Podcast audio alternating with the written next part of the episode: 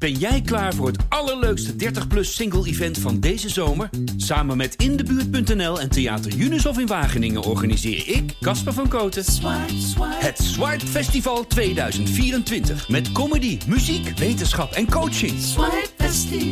Maar vooral heel veel leuke mensen. Bestel nu je kaart op swipefestival.nl. Swipe, swipe. Hallo, mijn naam is Pieter Klok. Ik ben hoofdredacteur van de Volkskrant en dit is een nieuwe aflevering van de Volkskrant Elke Dag. Een dagelijkse podcast waarin we de achtergronden bij het nieuws bespreken en vooral ook proberen te schetsen hoe de wereld onder onze ogen op tal van terreinen aan het veranderen is. Vandaag gaan we naar Oekraïne. Uh, we gaan praten met Michael Persson, die net terug is. Uh, goedemorgen, Michael. Goedemorgen. Michael, je was in uh, Gerson en Odessa en Mykolaiv ben je ook nog geweest. Waarom juist deze drie steden? Het doel was, was Gerson. Dat is de stad in het zuiden van Oekraïne die een maand geleden bevrijd is door de Oekraïners. Lokale provinciehoofdstad, waar uh, lang om gevochten is eigenlijk. En de stad is dus een maand of uh, acht bezet geweest. Dat was dus het doel van de reis en daar zijn we uh, ook gekomen. En dan ga je via het zuiden, via Odessa en dan vervolgens Mykolaiv kom je daar terecht. Het was nog niet veilig genoeg om er te verblijven, dus dan is Mykolaiv is de de, de slaapplek, de uitvalsbasis. Maar wat was de belangrijkste vraag die je had over Gerson? Gerson was eigenlijk de vraag, hoe gaat het in deze stad na de bevrijding? Uh, eigenlijk de hypothese was dat er mensen terugkomen. Uh, er rijdt weer een trein, een dagelijkse trein vanuit Kiev naar, uh, naar Gerson. En het idee was, nou ja, mensen keren terug, pakken hun leven op en we wilden die veranderingen beschrijven.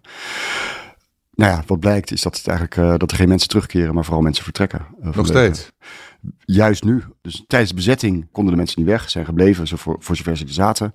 Na de bevrijding nou, hebben ze het even aangekeken. Maar eigenlijk de afgelopen week met name zijn er steeds meer uh, bombardementen op de stad.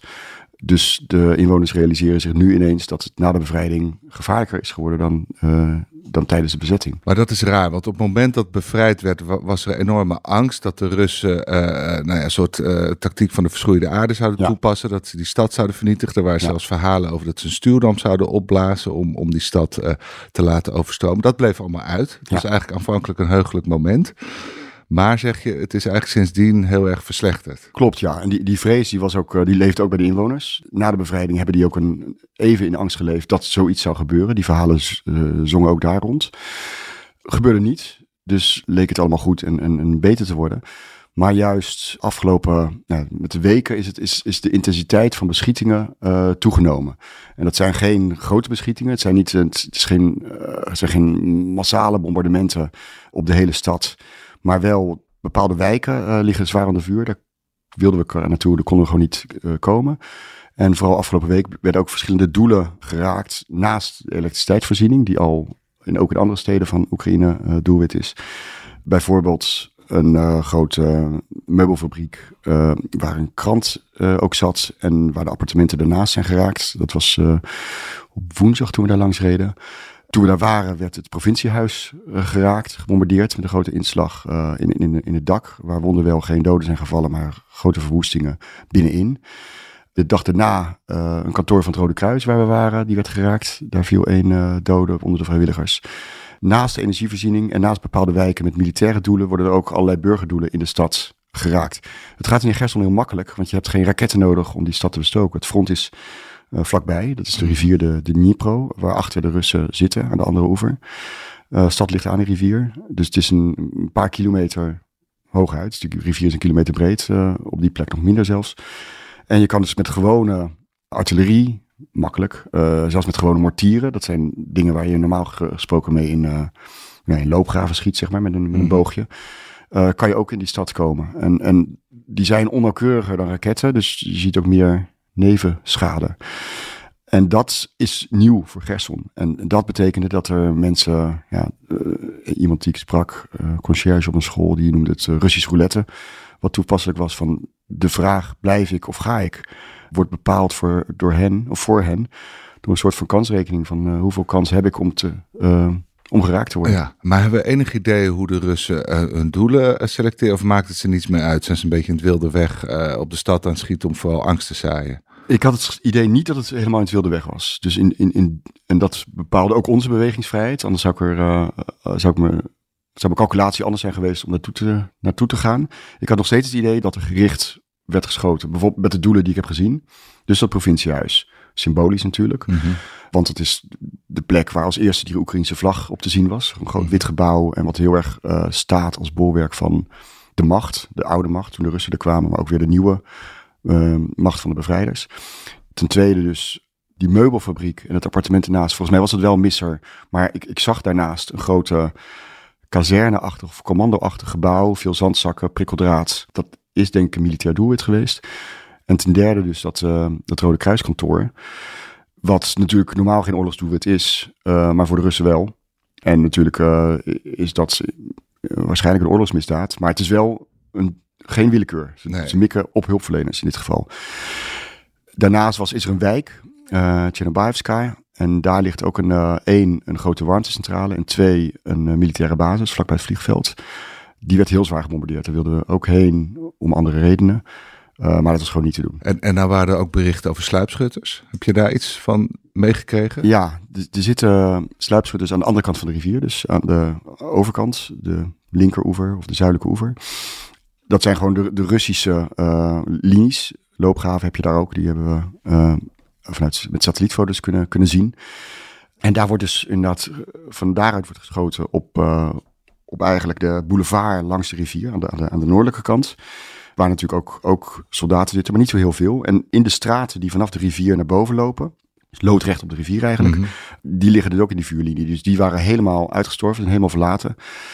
Wij zijn er één keer naartoe gegaan omdat één, ik voor een verhaal de rivier moest zien. Dat klinkt een beetje raar, maar om goed te kunnen beschrijven hoe die situatie is, wilde ik zo dicht mogelijk bij de Omdat rivier komen. Omdat het de frontlijn is en dat had ik nodig. Idealiter ook voor een foto. Dus heel kort uh, hebben we inderdaad die afweging gemaakt. Is het het waard of niet? En ja, uh, kort genoeg dachten we dat te kunnen doen. En uh, dat kan ook. Dus het is ook niet dat we dan de kogels om onze oren hebben horen fluiten. Alleen weet je dat er sluipschutters zitten en dus gedraag je je naar daar, daarnaar. Wat betekent, dat is voor het eerst in leven dat ik inderdaad een straat rennend heb overgestoken. Enigszins gebukt, omdat ik denk dat dat dan de beste manier is om, om toch het, het vuur gevaar zo klein mogelijk te maken. Maar op hoeveel kilometer zitten die sluipschutters dan? Dan moeten we dat voor ons zien. Hoe breed is die rivier? Die rivier is daar minder dan een kilometer, iets van 600 meter ongeveer. Oké, okay, en die zitten dan gewoon te wachten tot daar mensen komen ja, lopen? Dat, dat hoorden we uit uh, van, van mensen die daar wonen. Ja, ja. En, en, en hoe is het leven in Gerson? Je zegt heel veel mensen verlaten de stad. Is, is er nog sprake van een economie? Of, of kun je daar überhaupt nog functioneren? Ja, de, de economie uh, gaat iets beter. Al hebben ze ook heel veel last natuurlijk van gebrek aan stroom. Wat, wat economische activiteit uh, heel, heel moeilijk maakt. Dus je moet alles met generators doen. Maar ja, er is meer markt. Er gaan meer winkels open. We waren ja, bijvoorbeeld uh, bij een kledingwinkel vlakbij het provinciehuis, waar ze de, het glas van de etalage bij elkaar aan het vegen waren. Want die waren, die waren bijvoorbeeld net twee dagen daarvoor, hadden die de zaak heropend. Gewoon een kledingwinkel. Dat is uh, nou ja, gewoon een chique boutique-achtige zaak. Dus dat soort winkels heb je daar. Je hebt, uh, het is gewoon een, in die zin een Europese stad met, waar geconsumeerd wordt. En nou ja, winkel net open.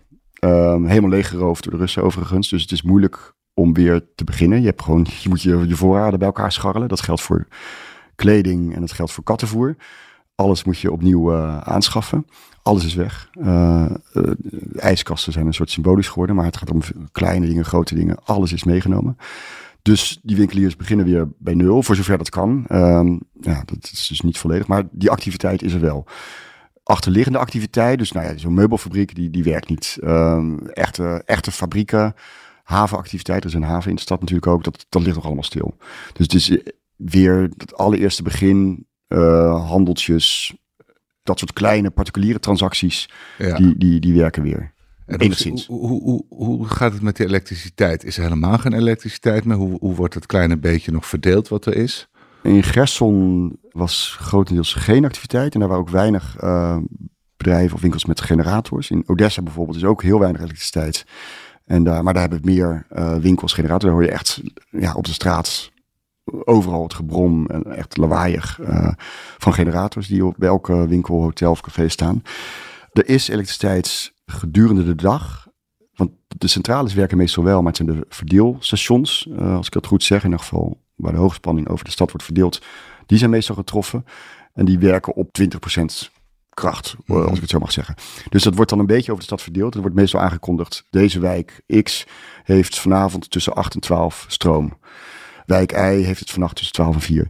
Het probleem is natuurlijk dat dan iedereen, die, je, je rekent erop, um, iedereen sluit dan, uh, zet dan zijn tv of uh, ijskast aan.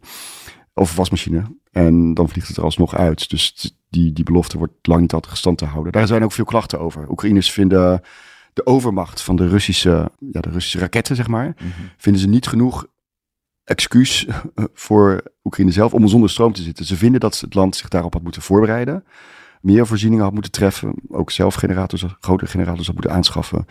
Beter verdeelplan moeten, had moeten hebben. Dus er wordt veel geklaagd over dit gebrek aan stroom. Dus kritiek op de regering. Op, ja, Bijna voor het eerst. Lokale regering. Lokale regering. Dus dat is, dat is wel een verschil. Dus uh, Zelensky blijft natuurlijk de, de held die boven alles staat eigenlijk. In hun ogen. Lokaal wordt dan wel geklaagd op de autoriteiten, op de energiemaatschappij. Maar, maar, kunnen wij ze nog helpen op de een of andere manier? Kunnen we nog massaal generatoren Generator, die kant op eh, sturen? Die, die worden ook. Er zijn een aantal, een aantal, organisaties die generators die kant op sturen. Um, en die zijn bruikbaar. Ik weet eerlijk gezegd niet hoe, hoe die precies worden verdeeld, waar ze terechtkomen. Mm uh, de meeste die je ziet, die zijn dus op straat bij, bij winkels. Waar, waar, waar ze ook belangrijk zijn hoor. Want ook uh, je ziet veel particulieren die in cafés zitten om daar te werken. Uh, op een computer of, uh, of telefoon. Uh, daar kunnen ze opladen, daar zijn ze warm. Er zijn ook plekken in de stad die daarvoor bedoeld zijn. bibliotheken, het station heb je zo'n plek. En daar liggen dus, dat zijn aansluitpunten. Het is warm, daar kan je werken. En daar staan ook generators. Ja. Nog steeds, en een aantal particulieren hebben ze ook. Die hebben ze soms zelf gewoon gekocht. Prijzen zijn zwaar gestegen. Dus er zijn ook hierin zijn natuurlijk zijn er profiteurs. Dus een eh, generator kostte, naar ik meen, iets van 400 euro. En dat is nu gewoon 800 euro geworden. Het is niet per se schaarste, maar goed, eh, dat is de prijs die mensen willen betalen. Dus dan kan je die vragen. Dus er is nog steeds, die behoefte is er wel, is er, is er zeker. Ja, dat is natuurlijk, uiteindelijk uh, is die behoefte er tot iedereen een generator heeft. En dat is nog lang niet het geval. Maar hoeveel wordt er geleden? Want de Russen zijn natuurlijk duidelijk op uit om de Oekraïners in de, in de kou uh, te zetten, letterlijk. Uh, ja. Werkt die strategie al? Eh, zie je inderdaad mensen die, die, ja, die, die het niet meer warm kunnen krijgen? Ja, daarvoor was dit niet de allerbeste plek, om het zo te zeggen. Want uh, het was niet zo heel koud. Uh, daar, wel ja, rond het vriespunt, dus koud genoeg. En, uh, maar niet die, geen, niet die diepe vrieskou van het oosten. Het land in. Die zit meer dieper het land in, ja. In ieder geval, je, je hebt ook met de noordoostenwind, kan die ook Odessa, Nikolaev halen. Maar in dit geval is het een zuidelijke stad en is het meer um, ja, de, de, de, nattigheid en, de, en de, rond het vriespunt kou die, die we hier ook gewend zijn. Maar het was hier afgelopen week in Nederland kouder dan daar. Oké, maar de mensen redden het dus nog wel, proef ik? Of? De ja, bij dit soort, daar meer dan in het oosten, ja. Um, wat, wat je wel merkt is dat door die bombardementen en de nevenschade is heel groot. Dus als er ook eens een doel wordt geraakt, zijn, er worden heel veel, gaan heel veel ruiten in, in, in wijde omgeving, die, die knallen. Dus grote wijken um, zitten echt zonder uh, glas, mm. zonder ruiten. Dus dat is, ja, dat lijkt ook wel een, een bijkomend doel om gewoon uh, niet per se die slag, slachtoffers te maken met die bombardementen, maar gewoon mensen uh, in de kou te zetten. Het is natuurlijk Leidje, maar het, met heel veel dikke truien en dekens voor de ramen is het daar op die manier te doorstaan. Ja. Ze hebben meer last daar toch van gebrek aan elektriciteit dan een gebrek aan warmte. Uh, maar tegelijkertijd, ja, dagelijks leven. Kinderen, uh, scholen werken nog steeds niet. Mensen met kinderen zitten dus uh, in de kou, zonder stroom, zonder regulier eten te, overle uh, te overleven. Meestal zonder geld ook.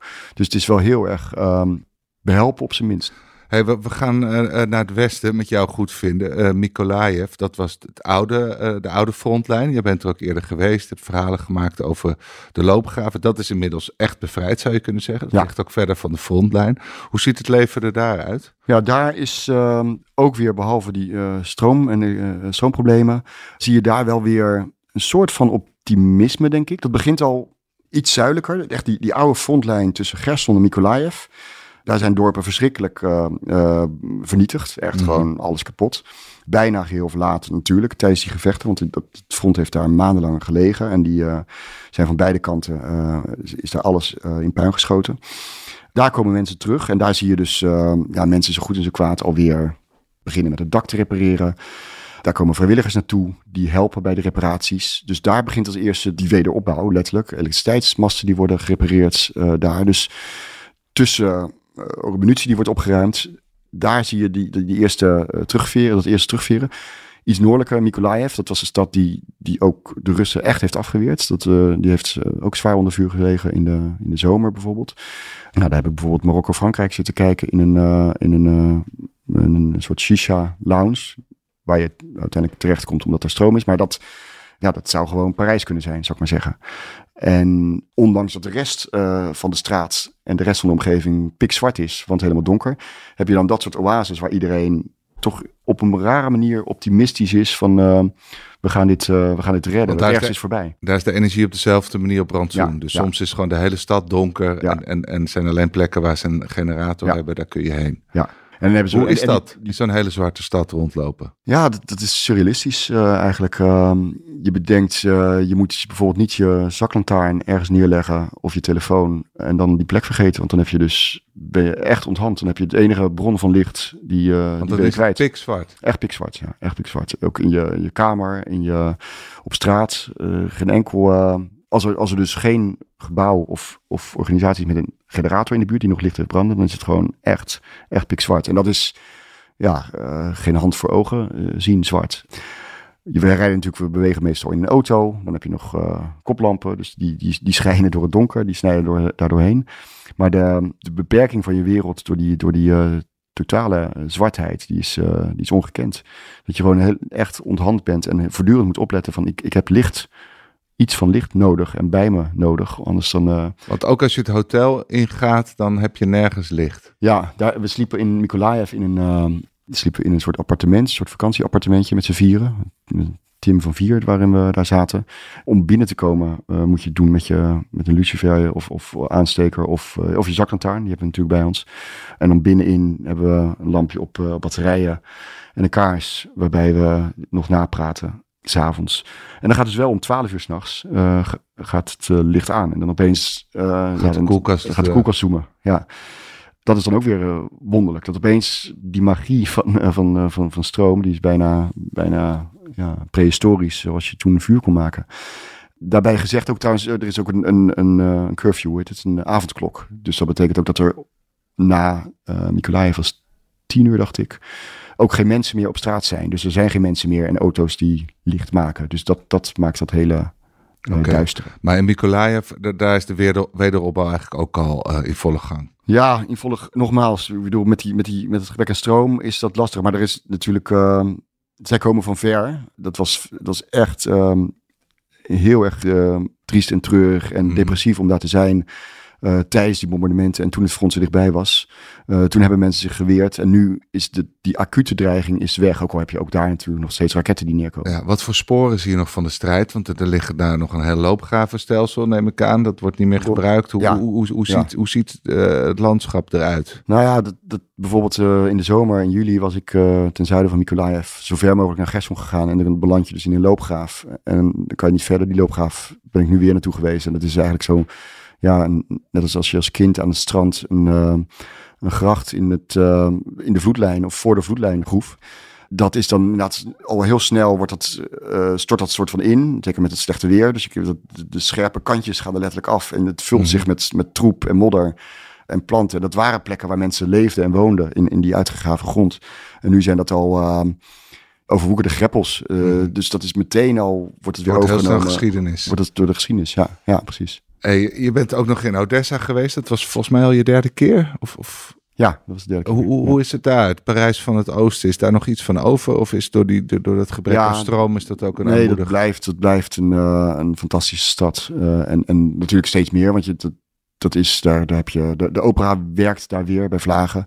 Ja, als je daar, daar s'avonds uh, door de stad loopt, dan is dat het super levendig. mensen kleden zich op hun best in het weekend. Dus het, zijn, het is een mooie stad met, met elegante uh, mensen. Ook in deze oorlogssituatie, postoorlogssituatie, hoe je het wil noemen. In het donker uh, heb je straatartiesten die, die bezig zijn met ook met een generatortje en dan een, uh, en dan een, schijnwerper op hun verrichtingen hebben geplaatst. Je hebt het geroezemoes van cafés.